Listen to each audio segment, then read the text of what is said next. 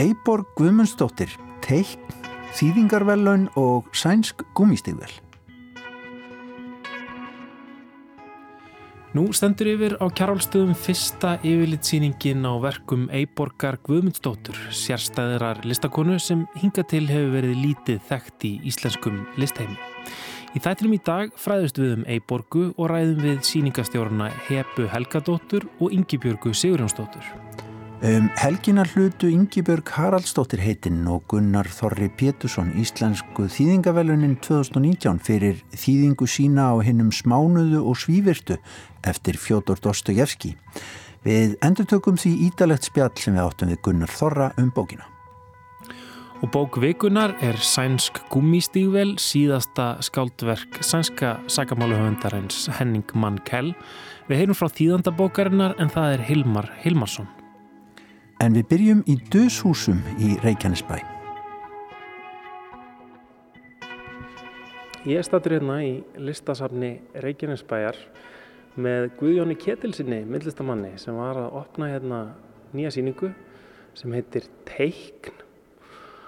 Um, þetta eru bæði skúltúrar og, og svo vegglistaverk og þau svona fást öll að einhverju leiti við ták og letur og lestur kannski, texta. Hvað, hérna, hvað er það við þetta viðfóngsefni sem að vakti áhugaði núna? Akkur þetta vinna svona verk sem tengjast þessu þema? Já, ég hef uh, áður uh, unnið svolítið með texta og, og teikningu í gegnum texta, uh, hérna,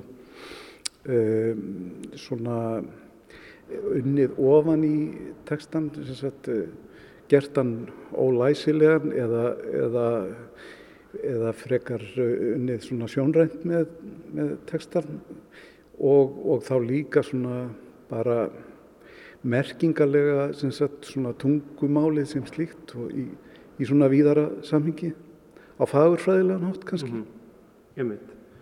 Það eru hérna kannski megin verkin hérna eða sem að taka mest rými. Getum byrjað á hérna það eru svona trjágreinar sem þú ert búin að rafa upp. Í raunni þannig að þau líta, líta út eins og ljóð og mála blá. Hvað, hérna, hvað er það að gera hér? Já, það, sko í raun og veru má, má segja að þetta, ég nálgist þetta út frá bæði út frá sem sagt trjágreinni sem bara hérna, svona ringrásar efni við sem sagt trén hérna, sem er bara náttúrulegu fyrirbæri.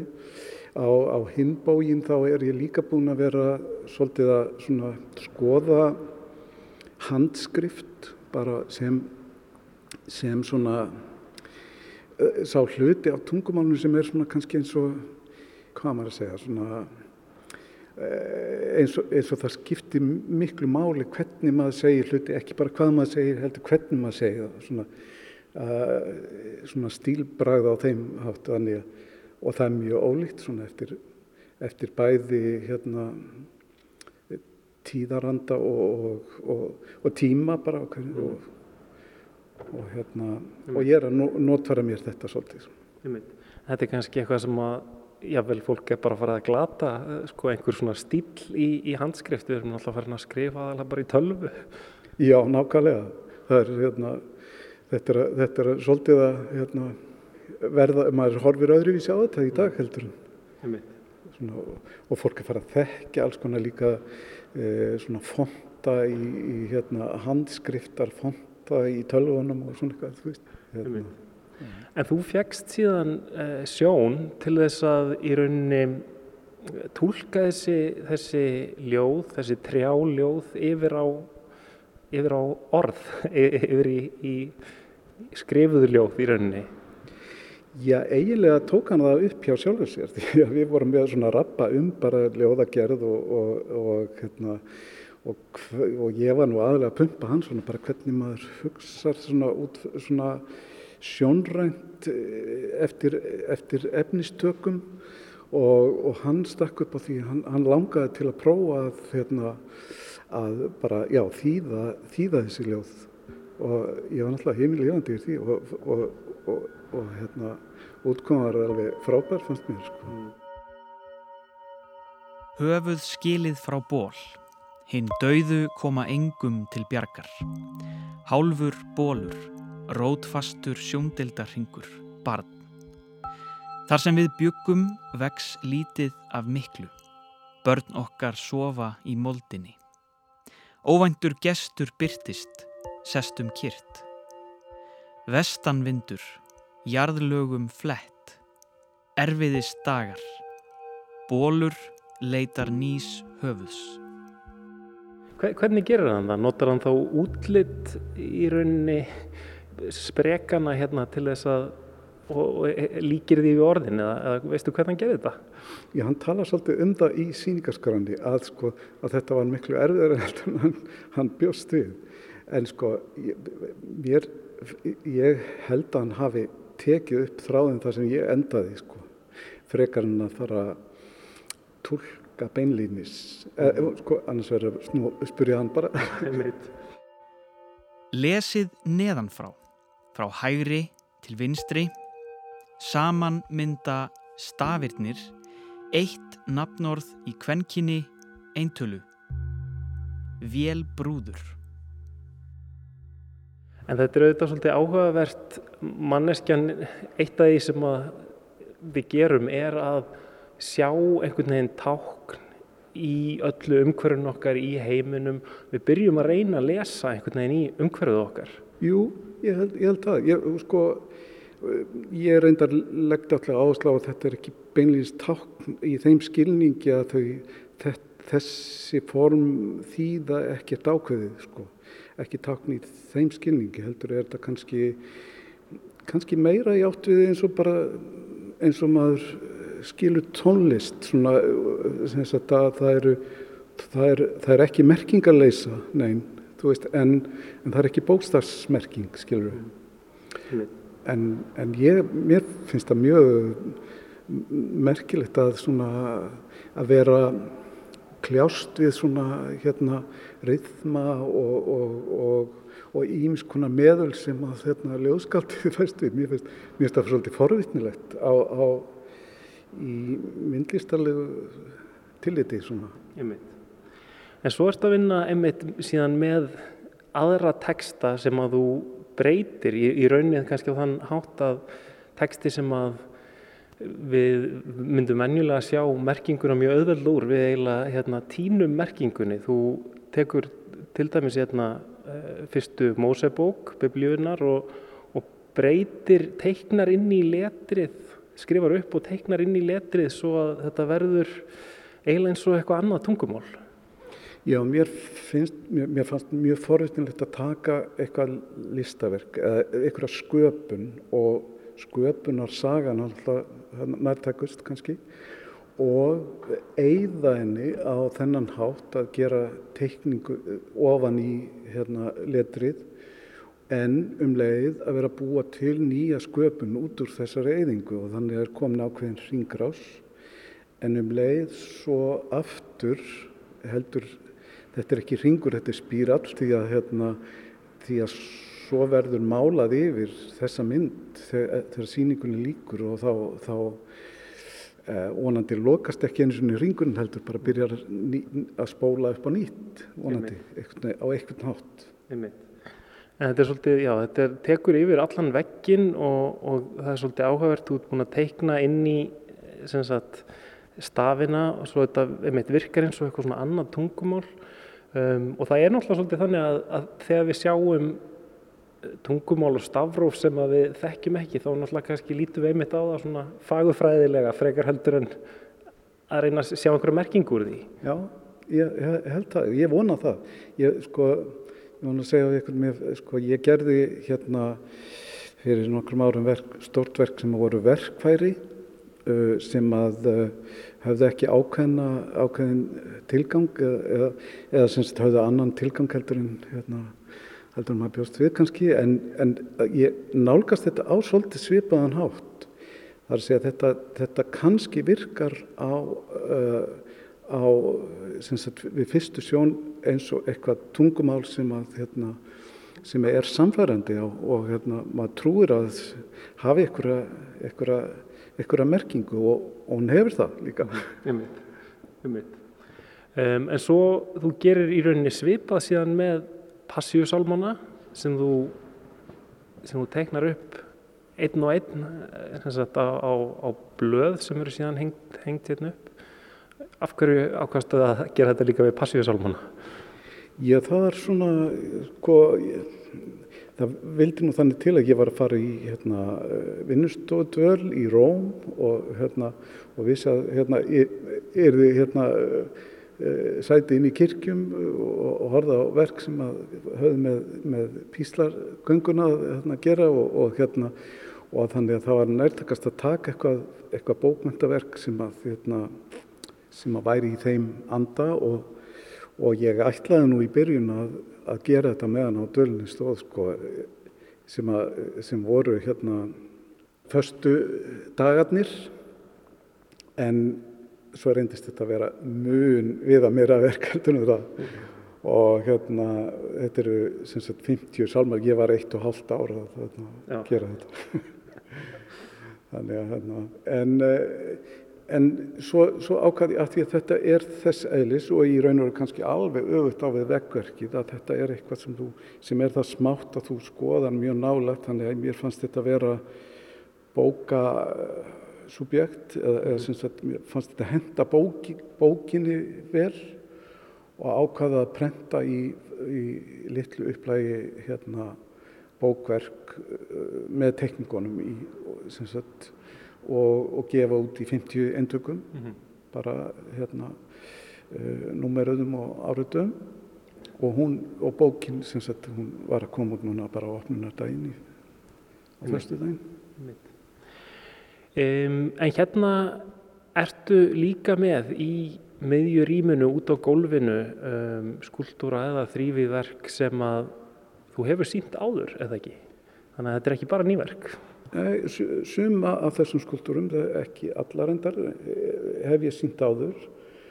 Og það eru verk sem að mér fannst bara forvittnilegt að koma með inn í þetta samhengi að því að ég hef notað uh, bækur inn á milli, eða sem þetta eru húsgögn, gömul húsgögn og bækur sem ég hef notað inn í og, og mér fannst bara forvillilegt að setja þau í, í samingi við þessi textaverk og, og hérna, sjá hvort þau fengi eitthvað svona aðeins að öðruvísi hérna, sjónhóttn eða, mm. eða og, og hérna, þannig að það var svona dræfið í því að, að, mhm. að koma með þá hingað og setja það saman.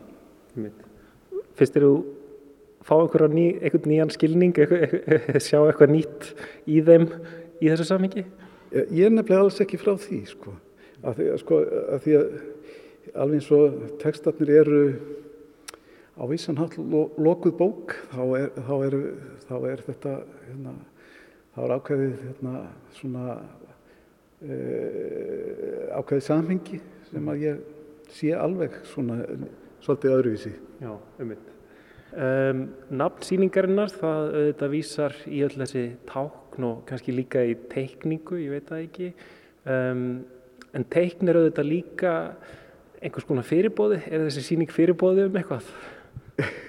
Já, þú meilar, ég hef nú ekki hugsað út í það en ég hugsaði samt einhvern veginn teikn bæ, bæði náttúrulega á þennan auðvitað átt að, að, sko, að teikningar og allt það. En svo líka einhvern veginn þetta þetta óskrifaða óskrifuðu skilaboð sem við stundum fáum svona mm. og hérna sem eru svona teikn fyrir manni að maður lítur að það þannig sko. Einmitt, einmitt Guðjón Kettilsson Takk kærlega fyrir að sína okkur síninguna teikn hérna í listasafni Reykjanesbæjar Takk Takk fyrir mig Úr myndlistinni í Dushúsum í Reykjanesbæ höldum við yfir í bók vikunar á Ráseitt. Það er að þessu sinni bókin Sænsk gummistível eftir Henning Mankell.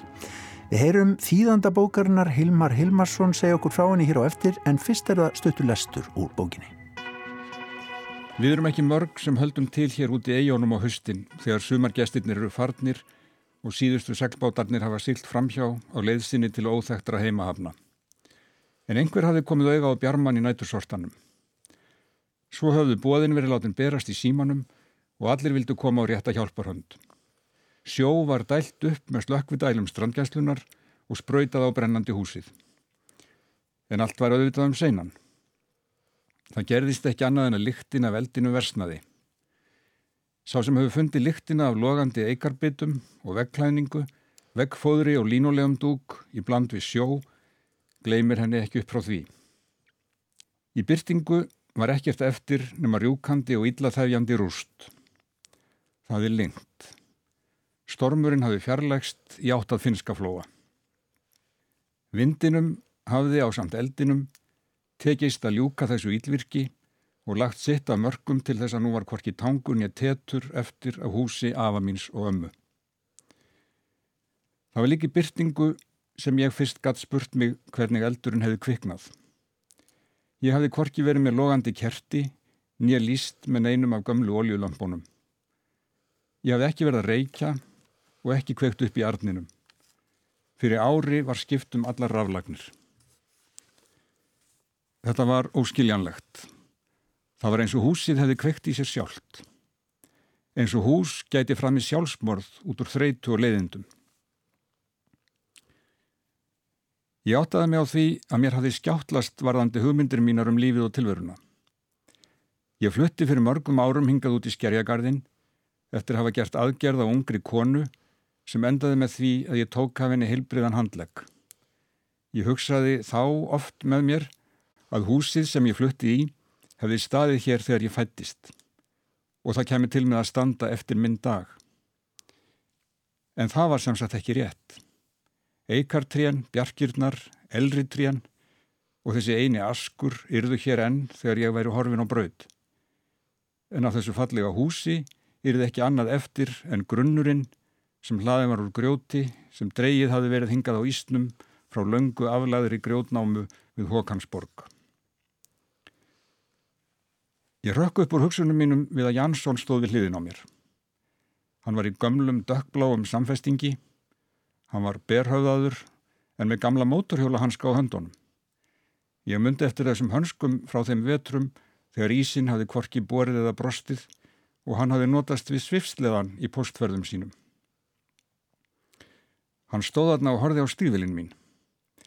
Ég leid niður á fætur mína og sá að á flottanum hafði ég klætt mikið tvö vinstrifótastígvél, þessi gömlu grænu frá Tretorn. Nú skildi ég hvers vegna ég hefði átt í erfileikum með að komast í annað stígvélið og hvers vegna mér hafði þótt svona erfitt að bera mig um í kringum brennandi húsið. Ég skal gefa þið stígvél, saði Jansson. Já nokkur pör heima. Það er kannski stígvél í bátaskílinu, saði ég. Nei, saði Jansson, ég er búin aðtúa það. Það eru leðurskórðar og brottar frá því í gamla daga þegar maður voru að rota seli út á skerjónum. Það hefði ekki átt að koma mér á óvart að Jansson hafi gramsað í bátaskílinu hjá mér. Ég vil þótt í þetta skipti hefði hann gert það af umhyggju fyrir mér og vinstri fóta stíðvilónum mínum. En ég hefði lengi vitað að hann fór inn í bátaskílið. Jansson var snuðrari. Ég áttaði mig fljótt á því að hann las hvert einasta postkort sem fór um hendur hans þegar sumargestirnir komu niður á bryggjurnar til að kaupa frímerki. Jansson horfi á mig, þreytulegur til öfnana. Þetta hafi verið laungnótt. Hvað ætlar að búa? Hvað gerur þau núna? Ég svaraði ekki vegna þess að ég átti ekkert svar við þessum spurningum. Hvers konar verk, það er náttúrulega ekki hefbundið henning mannkell verk? Nei, alls ekki þetta er ekki lauruglusaga eins og hann er nú þekktastur fyrir, hann hefur nú reynda að skrifað alls konar bækur, barnabækur og, og skrifað nú yfir 40 bækur held ég, þá hann sé þekktastur fyrir glæpasögurnar. Það er reyndar, kemur náttúrulega glæpur fyrir í þessari bók, alvarlegur glæpur, en Mankels sagði nú frá því í viðtölum í tengslu útkom þessara bókar að honum fyndist ekki mikið fjallað um öldrun í bókmæntum. Það verður fáir að, að skrifa um, um það að eldast, hvernig svona bara venjulegt fólk eldist og, og það mátti svona skilja á honum að hann, þessi bók verður eitthvað skonar svar við, við því. Mm. Dauðin er mjög ábrandi í þessari bók, finnst mér, og kannski tengist það nú þessu öldrunartali. það, það, það deyja mjög margir í henni sko, bæði menn og dýr þannig að döðin er sífælt nálagur mm.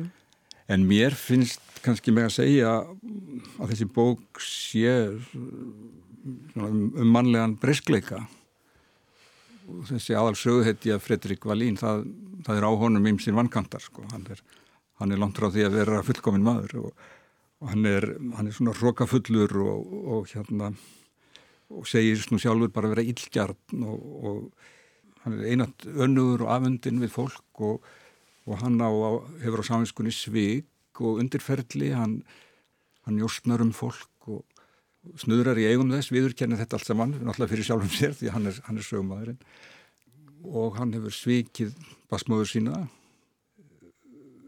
Það vil náttúrulega enginn láta lýsa sér með þessum hætti. Þetta er nú samt einleikar sko sem að kannski mjög fáir eru alveg lausir við. Þannig að, að mér finnst að þessi bók, þessi lýsing á þessu manni, hún hafi nú býstna svona víða skýrskotun sem lýsing á já, var nú ekki rétt að tala um mannlegt eðli en svona lýsing á mannsálinni eins og, mm. eins og hún er í mörgum allavega. Það líkur náttúrulega hlutanins eðli að þegar að fólk eldist að þá er marsa minnast mm. og það er líka umfjöllunar efnið. Já. Minningar, já. réttarminningar, já, já. falskar minningar, hvers vegna þær koma upp. Já, já, hann er alltaf að rifja eitthvað upp. Sannleikur og sko. lígi. Já, já. Akkurat. Og hann er alltaf að rifja eitthvað upp úr lífi sínu sko. en, en, en sagan er líka náttúrulega um, um einhvers konar ástarþrá og, og löngunans til að því að þó ég líst honum svona áðan þá, þá, þá er nú erlegir þræðir í honum líka sannarlega. Og, og hann hefur svona ákveðna löngun til þess að láta gott af sér leiða. Og ekki síst eftir að hann hérna það var það svona þáttaskil í lífans alltaf fyrst og fremst í fyrri bókinni þegar hann allt í einu eignast dóttur 30 ára gamla og svo í þessari bók þegar hann eignast badnabann þá, þá, þá alltaf sér hann lífið svolítið öru ljósi eins og, eins og mjög margir gera í, í þeim aðstæðum held ég sko. Og þetta hvað við skiljum eftir, hvernig framhaldið verður eftir okkar dag já. speglast reyndar í mjög mörgu í bókinni já, já. og hefst kannski þar eh, sem sagan byrjar þegar að húsið brennur niður mm. með öllum hans eigum og hann á ekkert. Nei, nei, hann á ekkert og hann er einn og alveg allslaus að öllu leiti sko. og, og þá náttúrulega kannski leita minningarnar sterkar á menn þegar að þannig er í potin búið. Mm. En það er þarna glæpur. Já, sannarlega hús uh, frem ekki sjálfsmórð. Nei, nei, hús frem ekki sjálfsmórð og, og það má nú kannski segja að viðbröð Velíns séut aldrei stormanleg þegar hann kemst að því hverða var sem brendu af hann ánum húsið að þá kýs hann að hafa halda því bara fyrir sig. Kom uh, þessi niðurstaða þar að segja hver gerningsmadurinn var þér óvart þegar þú last þetta, mannstu það? Já, einlega. Mér líka. Og það kemur manni í opna skjöldum að það átti alls ekki vona á þessu frá þessum, þessum mestaklingi mm. og, og erfitt að ímynda sér hvað hann gekk til. En svo er kannski eitt sem að mætti bæta við að það er svolítið frestandi að sjá þessa sögu í samhengi við síðustu misserinn í æfi Mankars að hann skrifar þessa bók 2014 og 15 líkur við hana í mars 2015 held ég og í byrjun árs 2014 þá greinist hann með krabbamenn sko. og hann lísti því hvað það var þónum mikið áfall, þessi greining og hann misti svona fótana og allt, hann fannst all tilverðan fara á kvolv í nokkra daga eða vikur og það má kannski sjá þennan húsbruna í upphafi svolítið í þýljósi en svo náði hann smátt og smátt eh, tökum á þessu og fór í meðferðir og eh, allt leitnum vel og, og hann kom í viðtöl í tengslum við hérna útkomið þessar og og leið það bara vel og sagðist vera engina laus og allt og en svo liðið hann nú ekki nú fjóra mánuði eftir þetta því miður. Hilmar Hilmarsson, takk fyrir. Takk sem leiðis Um helgina hlutu Ingi Björg Haraldsdóttir heitinn og Gunnar Þorri Pétursson Íslensku þýðingaverlunin 2019 fyrir þýðingu sína á hinnum smánuðu og svífurtu eftir Fjóttor Dostojevski. Þegar bókin kom út áttu við ítarlegt spjall við Gunnar Þorra um bókina og í tilefni að verðluna veitingunni núnum helgina skulum við hlýða aftur á viðtalið. Rúsland er náttúrulega stærsta land í heimi og þeir eru með sína mælikvarða meðal annars í bókmyndunum að allt sem er undir 300 bræðsum það er kallað povist sem að myndi útleggjast sem bara nóvela og Dostoyevski á búin að skrifa nokkrar nóvelur sem við þekkjum sem er hverjir, svo tvífaran. En þetta er fyrsta tilrun hans til þess að skrifa svona breyða skáldsögu, svona skáldsögu á, á þeirri starðagráði sem hann verður síðan frægu fyrir. Að í kjölfar þessara bókar kemur Gleipur og Refsing og Fávitinn og Karamazov-bræðinir og þessar, þessi stórvirki. Og, og þessi saga er ótrúlega áhugaverfinn þess að þarna sagt, árið er 1861 uh, Dostoyevski og bróður hans Mikael eru búin að stofna tímaritt og í þessum tímarittum að þá voru framhaldsugur og setna þá átti til dæmis glæpur og refsing og stríð og friður eftir að vera framhaldsaga í sama tímariti mm. ímyndaður og vera að kaupa nýtt líf og þetta veru framhaldsugunar en það þarf sérst að henda í eina framhaldsugu og þá sérst að læti Dostoyevski vaða og ákveði sérst að skrifa stóra skáldsögu. Og hann í raun hefur ekkert langan aðdragand að þessu heldur, sagt, bara tekur þessa ákvörðun og byrja síðan að skrifa.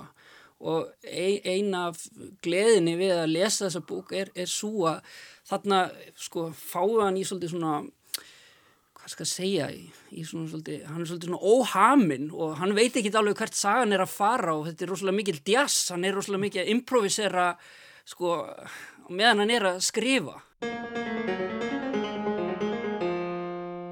og, hérna, og búa til svona hérna, einhver þverr nýpi fyrir lesandan og, og taka svo upp þráðin aftur og reyna einhvern veginn að fletta þetta saman.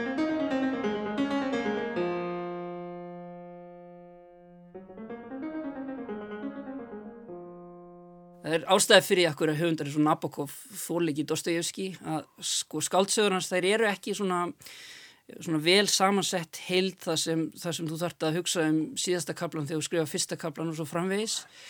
En sko listin er svo mikið fólkin í því að toga tógkrafturinn, að soga lesandan inn í söguna og gera sko val sögupersona og, og hérna, glímun þeirra áþreifanlega. Og þannig að þér líði eiginlega eins og þú þurfur að taka þessa ákverðin eða ef þú væri að lesa þessa bóki strætó og þá væri hugsanlega personin að taka aðra ákverðin sko. og þetta er eitthvað sem lesendur Dostoyevski kannast mjög vel við sko, hvernig þeir einhvern veginn gleima stund og stað, gleima borða og, og hérna, rankast bara allt ínu við sér þeir eru búin að lesa heila Dostoyevski skaldsu og já, tókraftur þess að sagna er rosalega sterkur sko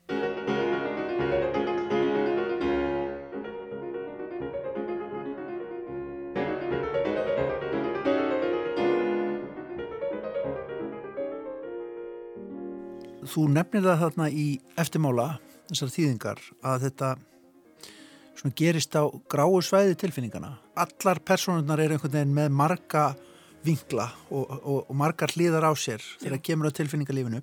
En samt er þetta samt verist hann eins og segir sko vera gaggrinin á svona bóðorðið um, um allt um fegurðina hjá í romantíkinni hann er pínleiti gaggrinin á tíðarandan kannski líka Já, Dostoyevski er náttúrulega upplegið í honum er mjög romantíst. Mm.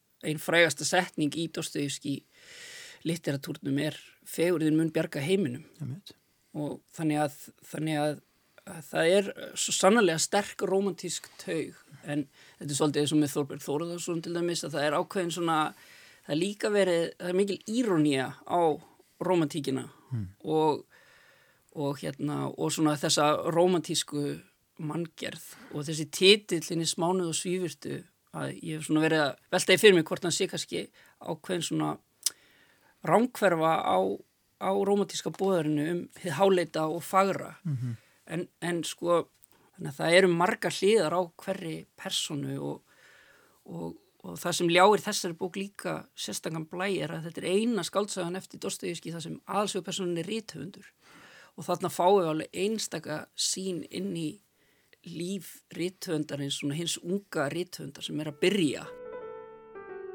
það er ekki ósegju sem að sagt að hann hafi sko meirinn flesti rítvöndar kafa onni í mannsálina og, og kanna svona myrkari afkýma hennar og það er líka mjög stert í þessari bókur og óbúslega flókin, flott og, og myrk karakterportrétt.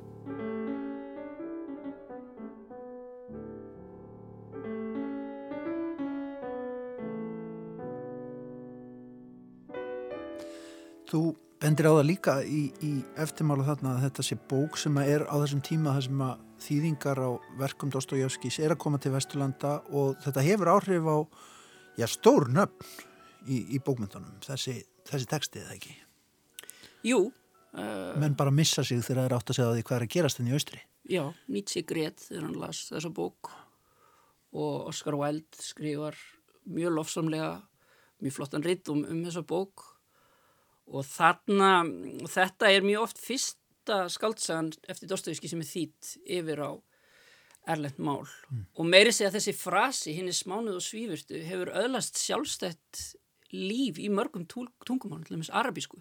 Já, svona yfir hinn að undir, sem svona samhiti yfir hinn að undirókuðu sko. Já, já, en þarna þegar Dostoyevski deyr 1881 að þá, þá er rúsneska skaldsagan svona að hún er svona einhvern veginn að brjótast inn í þessa settlegu stofu evróskra bókmynda og þetta er svona svolítið eins og þegar að töfrarunnsæði kom síðan, þetta er bara eitthvað allt annað Já. en um leið eitthvað kunnulegt sem að, sem að, sem að er mætt þarna og, og, og Dostoyevski svona af þessum fyrstu lesendum var gætna kallaður Shakespeare á geðveikrahæli og það er ágættis lýsing á honum sem höfundi sko og hann er undir gífilegum áhrifum frá Shakespeare og, en það er alveg gífilegur sko, sjúkleiki og, og, og miklar geðflækjur í personum hans. Þetta var til dæmis ástæðin fyrir þetta var gaggrinni sem að Tolstói setti frá hann bara af hverju getur Dostoyevski ekki líst venjulegum personum að því að þá getur við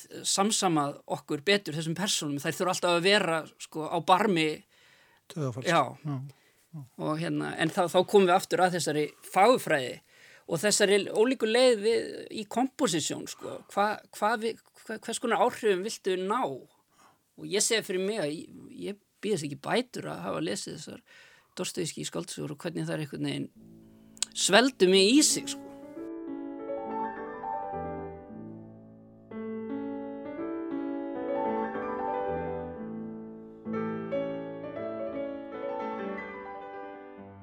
Yngibjörg Haraldsdóttir, ljóðskáld, þýðandi, leikstjóri og bladamæður, þýtti á sínum tíma fjölmarkar af skáldsögum Dostojevskis, mörg af hans mestu stórvirkjum. En hún hófst einnig handa við þýðingu á bókinni hinnis mánuðu og svívirtu. En sögum veikinda þurft hún að segja sig frá verkinu. Gunnar Þorri hljópi skarðið.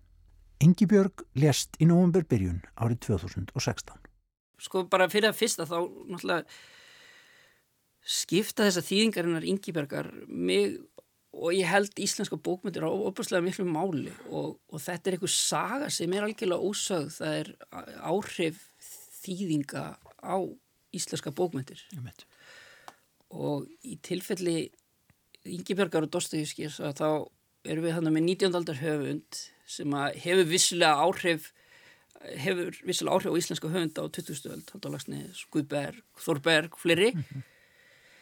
en með því að þýða þessar bækur og þegar allir þessi texti kemur alltaf inn í íslenskt mál að þá, þá verður svona ákveðin þýðingar skekja að, að það kom einhver áhrif þannig að löngu setna mm. sem að mér finnst ótrúlega áhugaverð hvernig einhvern veginn Pétursborg 19. aldar fór inn í Reykjavík 20. aldar og 2001. aldar í mínu tilfelli sko mm -hmm og, og ég horfið upp á þetta bara hvernig þetta gerðist með mig og mína vinni og skáld sem ég var að umgangast. Og við, mörg hver lásund orðstíðiski fyrir vikið eins og samtíma höfunda því að þessar bæku voru að koma svo ört út og þær voru svo hérna ferskar. Mm. þannig að já þetta var mikil heiður þegar þetta kall barst. En nú leið bara mikil ábyrð og, og ég tók þann pólun í hæðina að ég væri með þessa þýðingar hennar í blóðinu, ég er búin að lesa og marg lesa þær allar og ég hugsaði með mér að það væri engum greiði gerður ef ég fær að reyna að herma eftir Yngibjörgu. Ég er það að finna minn Dostoyevski og þess vegna las ég í raun bara þetta sagt, hún var búin að þýða svona einhvern þriðjung og mm -hmm. gróf þýða og ég las það og svo laði ég bara þýðingunum frá mér og byrjaði sjálfur. Og þegar maður lærir rúsnesku þá þarf maður að læra að lesa og skrifa upp og nýtt. Og maður lærir nýtt letur og lærir að skrifa upp og nýtt. Og það verður svo mikið nöytt fólkin í því að skrifa, handskrifa. Mm. þannig að ég handskrifaði fyrsta uppkast. Og svo hafi pappi minn gefið mér uh, rítvél þannig að ég velritaði uh, sagt, þetta upp og fór síðan yfir velrituðu blöðin, mm. krotaði þau og peikaði svo að lokum það inn á tölvu mm. og ég gerði þetta svona til þess að ferja, þetta var svona penni, ritvél, tölva var svona leið til þess að ferja textan frá 19.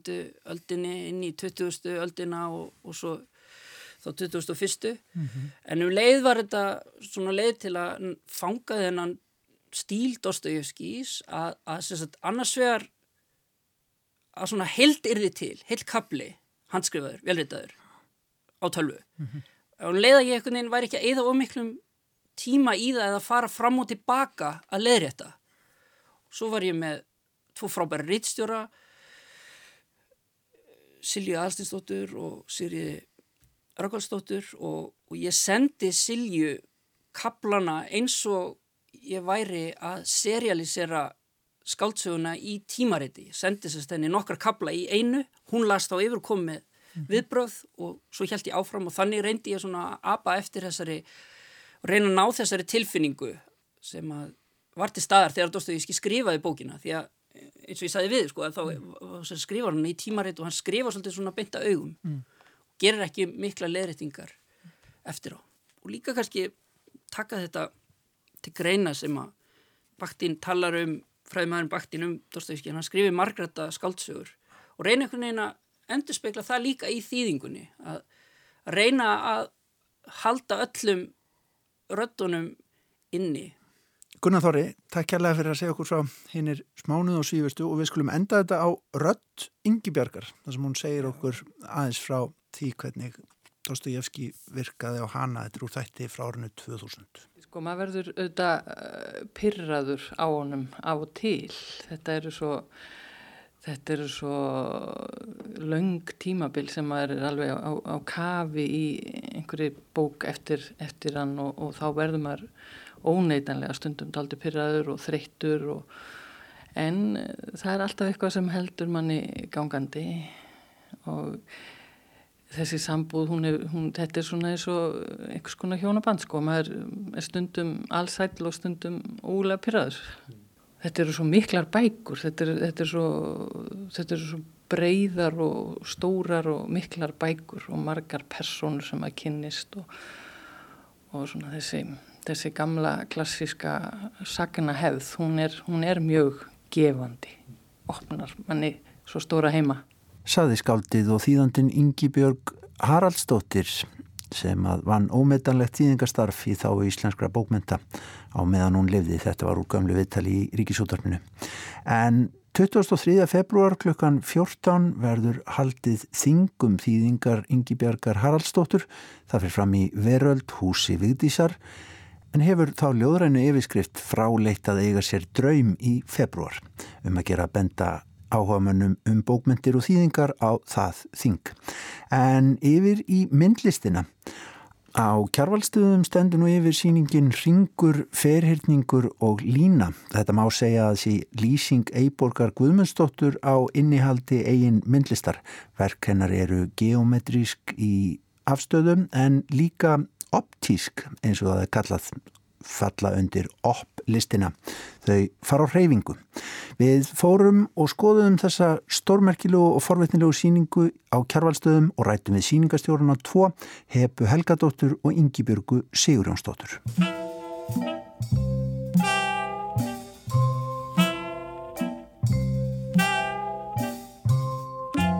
Hún á sér forsögu Hún er mikið innan um elítuna, abstrakt elítuna hérna á Íslandi þegar hún byrjar. Og hún býr bara í sama hús og Valti Pettersson og er að vinna skrifstofstóra á þeim tíma. Málaði frístundum og fær Díti Rót þegar hann kemur til landsins að leiðsega sér og fær svo kvartningu frá Þorvaldi á svona fleirum og Díti er að fara áfram til náms til Parísar. Þannig að hún á sinn svona forskóla hér í strandflatalistinni. Hún er óskabann þessara kalla. Hugsaði þess. og fyrsta verkið hennar á síningunni er Kveðja til Þorvaldar. Já, eru, kíkjum á það.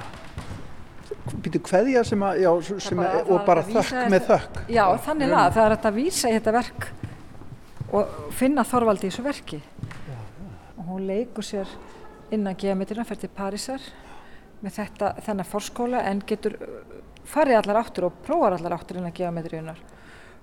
Hafnar skólanámi sem hún fór í, orðin 35 ára gömul, veit hvað hún vill, þrosku kona. Og velur sér ákaflega sko, spennandi leiðbeinendur sem er að gera það mest spennandi í París.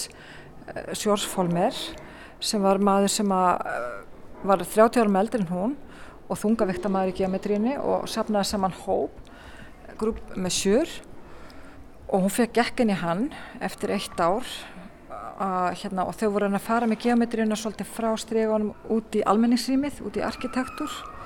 Og síðan nú líka undir leysokn Viktor Vassarelli sem á eiginlega að kalla fadir opplistarinnar þannig að og hún er ákvæmlega ötull myndlistamæður í þessi 16 ár. Það, stundum, það er mikið verk, mörgverkert og við telum að geta verið hátt á 200 verk. Mm.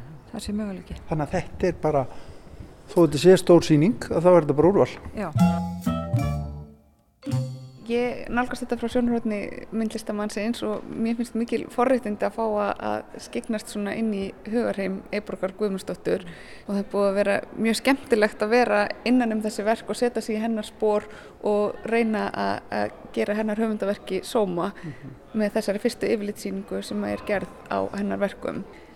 Þetta er svona, þetta er þjættur ferill, þetta eru bara einhvern 15-16 ár sem hún er virkilega að, að vinna verk og en hún vinnur mjög stórt höfundaverk á þessum tíma þannig að er, hún fer yfir víðan völl innan þessar geometriu og prófar alls konar, gerir alls konar tilraunir en er samt alltaf með mjög skýra stefnu. Það er þegar maður skoðar þetta svona bara í tímaröð mm. þá sér maður mjög svona skýra framvindu á hvaða leið hún er mm. og þannig að síningin er sett upp í svona grófri tímaröð og þannig að maður getur svolítið svona fyllt hennar hugsanaferli og séð framvinduna og þróunina í hennar verkum eftir því sem maður gengur sér gegnum sælinn. Mm -hmm.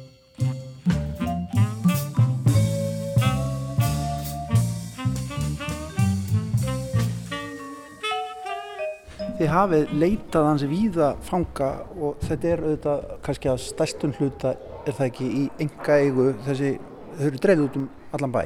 Já, verkinan eru mjög dreifð. Það eru nokkur verk í söfnunum og það er fengið, fengið verk að láni frá nokkrum ofnbjörnum aðlum og svo er mjög mikið verkum í enga eigu. Mm. Tók allir mjög vel í það að, að lána sín verk að því þótt að Eibor Guðmundsdóttir hafi ekki farið mjög hátt í íslensku myndlistarlífi þá án samt ötulega talsmenn Já. í hinnum ímsuhóttnum þannig að það eru, eru aðdándur verkarinnar sem að hafa áttu og, og passaði mjög vel upp á þau. Ég er alveg sammálað þessu sem hún segir með svona talsmennina vegna sem að þó maður sjá hana í samhengi við þessa strángflata list alla saman sem að verður náttúrulega rosalega skóli og yfirgnæfandi á, á tímabili þá er samt eitthvað svona sérsta það er eitthvað, eitthvað mjög já hvað maður segja bara öðruvísi eða gröftur. Það bara heldur áfram þeirri vinnu og svona tekur smá saman, fer smá saman að kjarnanum já. og hreinsa svolítið til og, og er svona notar færri liti, færri form hún fer svona meira inn í Parísa skólan og einhvers konar áframhaldandi þróun á okkar strángflata tímabili ja. og blanda saman uh, opp mm. og geometriu það er svona, loka niðurstannar er svona þetta sambland, þessi kyrruform og þessi reyfing mm. Þegar við tölum um opplist þá erum við að tala um reyfingu í myndfletinum sem að, að hann fer nánast af stað Já, verkin. þetta sérst, þú hefur áhrif á áhörundir áhörundin verði fyrir áhrifum og hefur áhrif af verkið. Mm. Það er sérst eitthvað samtala millir áhörandans mm. og verksins. Og það er þessi sundlandi áhrif. Ég er að horfa hana á eitt verk út í hodni sem, sem, sem er þannig að maður horfir ekkert mjög lengi á það sko, að verða pínu svona bumbult, ég segi það ekki. En þetta er náttúrulega, hérna, hvað heitir hún, Bridget Riley og svona, það eru ýmsar... Já, hún er svona íkonið en Já. það er til alls konar upp og hún Já. fer ýmsar leiðir. Já, og þetta er mismöndi svona kyrt eða mismöndi, hvað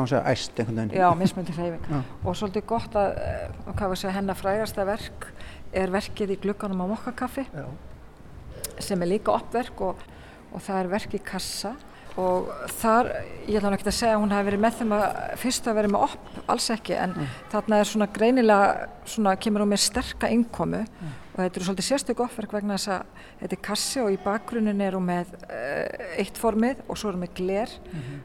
og svo hefur hún millirými, þannig að það gerir svona bæði í ljósi og rými þegar ja hérna, manneski gengur fram í verkinu þá fer það á stað. Mokkaverki er þannig líka er dýft og hreyfing. Bæði dýft og hreyfing og nota mikið ljósið sem var svolítið óvænlegt það var svolítið innslag frá eiginlega söður Amerikumönnu sem kom til Parísar á þeim tíma sem hún var. Já. þeir nota meira ljós heldur en eins og þú segir Brittir Ræli þegar fer svona eitthvað sækadelik á stað Já, mitt, á flatafletinu og það er svolítið gaman þessu verkum að, að hún, uh, þetta er setning frá henni ringur, ferhinningur og lína og það er svolítið gaman að þessu verkum hérna í kassanum að það er ringur, fyrningur og lína, það mm. raðast hann upp. Og það er einfallega heiti á síningunni, Já, það er ekki að flækja það. Þetta er hennar grunnfór sem vinnur með all æfi.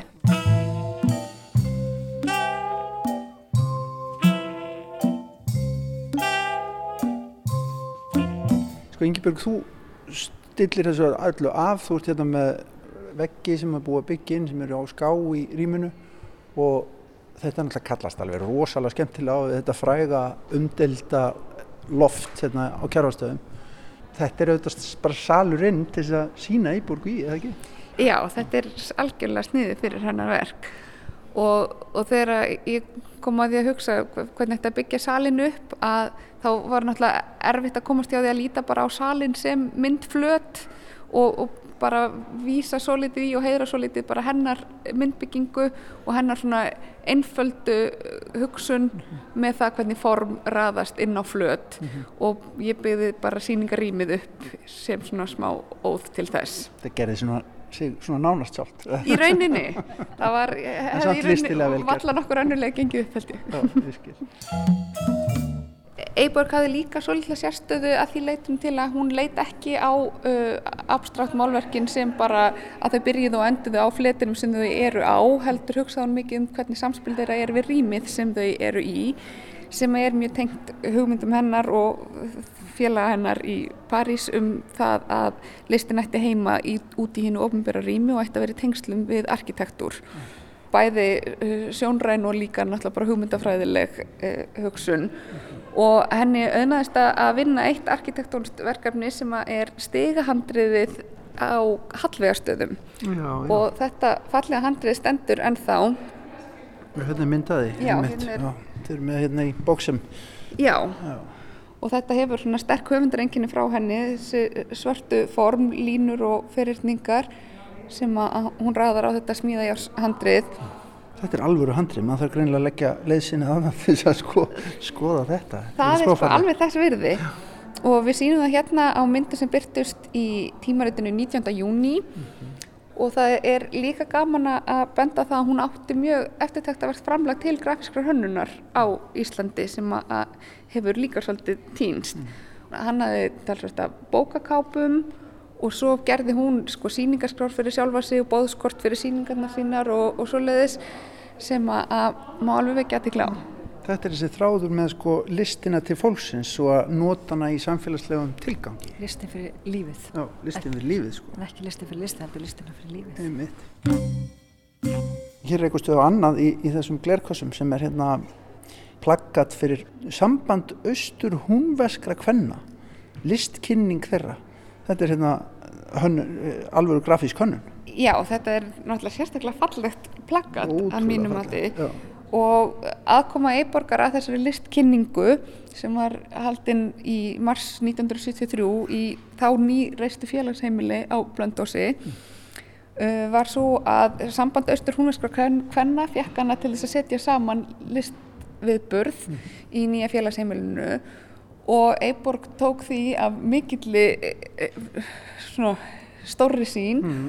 og fekk lánu verk frá hérna, fjóruðartög listamanna bæði málverk og skúltúra og allt mögulegt og hún sá til þess að hún fengi lánaða ljóskastara og flutti þá með sér norður og sett upp bara óbúslega metnaða fulla síningu þarna í félagsheimilinu og fekk blásara kvintend sinfoníuljónsveitarinnar með í för til að spila nú almennilega tónlist, Almennileg. kórar sveitarinnar uh, fluttu tónlist þarna og þannig að þetta var bara mjög metnaða fullur listiðburður á blöndósi mm. sem að hún hafi veg og vandað í sambandi við samband austur-húnveskra kvenna. Þetta er enni minnum haft? Já, þetta er enni minnum haft. Það voru góð viðbrökt þegar við fórum að leita við uh, fólk, fólks á blöndósi að, að veita okkur aðstóð bæði sambandi við verk og efni. Mm en munað eftir listkynningu sambandsaustur húnverska kvenna. Hún fór víða um landi þessi listkynning. Já, já, hún er farið víða. Já, hún fór allavega Húsavíkur, Selfos og Guðbergur Bergson var hluti af þessu, þessari ferð. Mm. Þetta sló svo í gegn og var ekki hægt að láta þetta stoppa bara og blönda úr sig.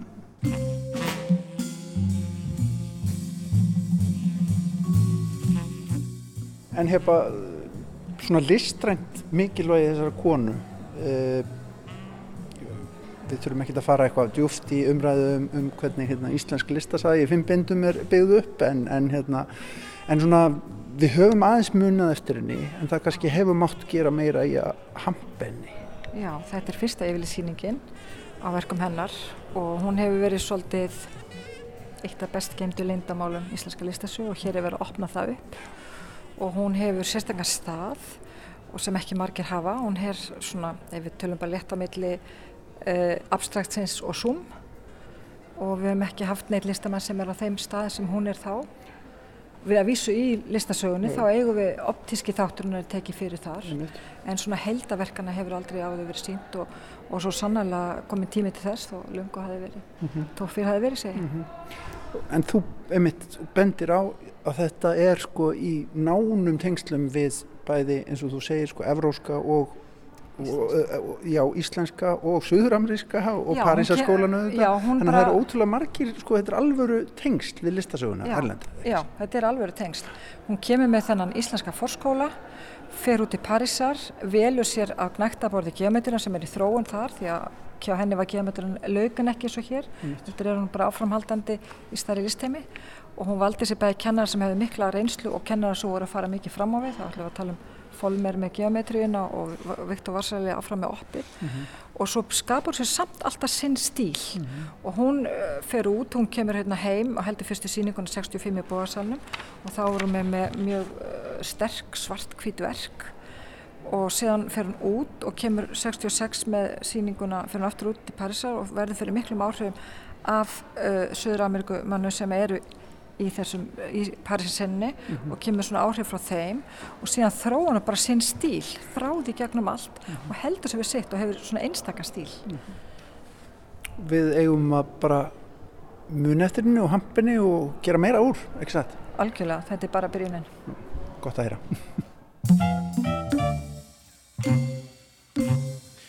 Þannig rætti Guðni við Hepu Helgadóttur og Yngibjörgu Sigurjónsdóttur á Kjarvalstöðum En á umfjöldun um Eiborgu Guðmustóttur ljúkum við við sjá dagsins. Takk fyrir að hlusta og verðið sæl. Verðið sæl.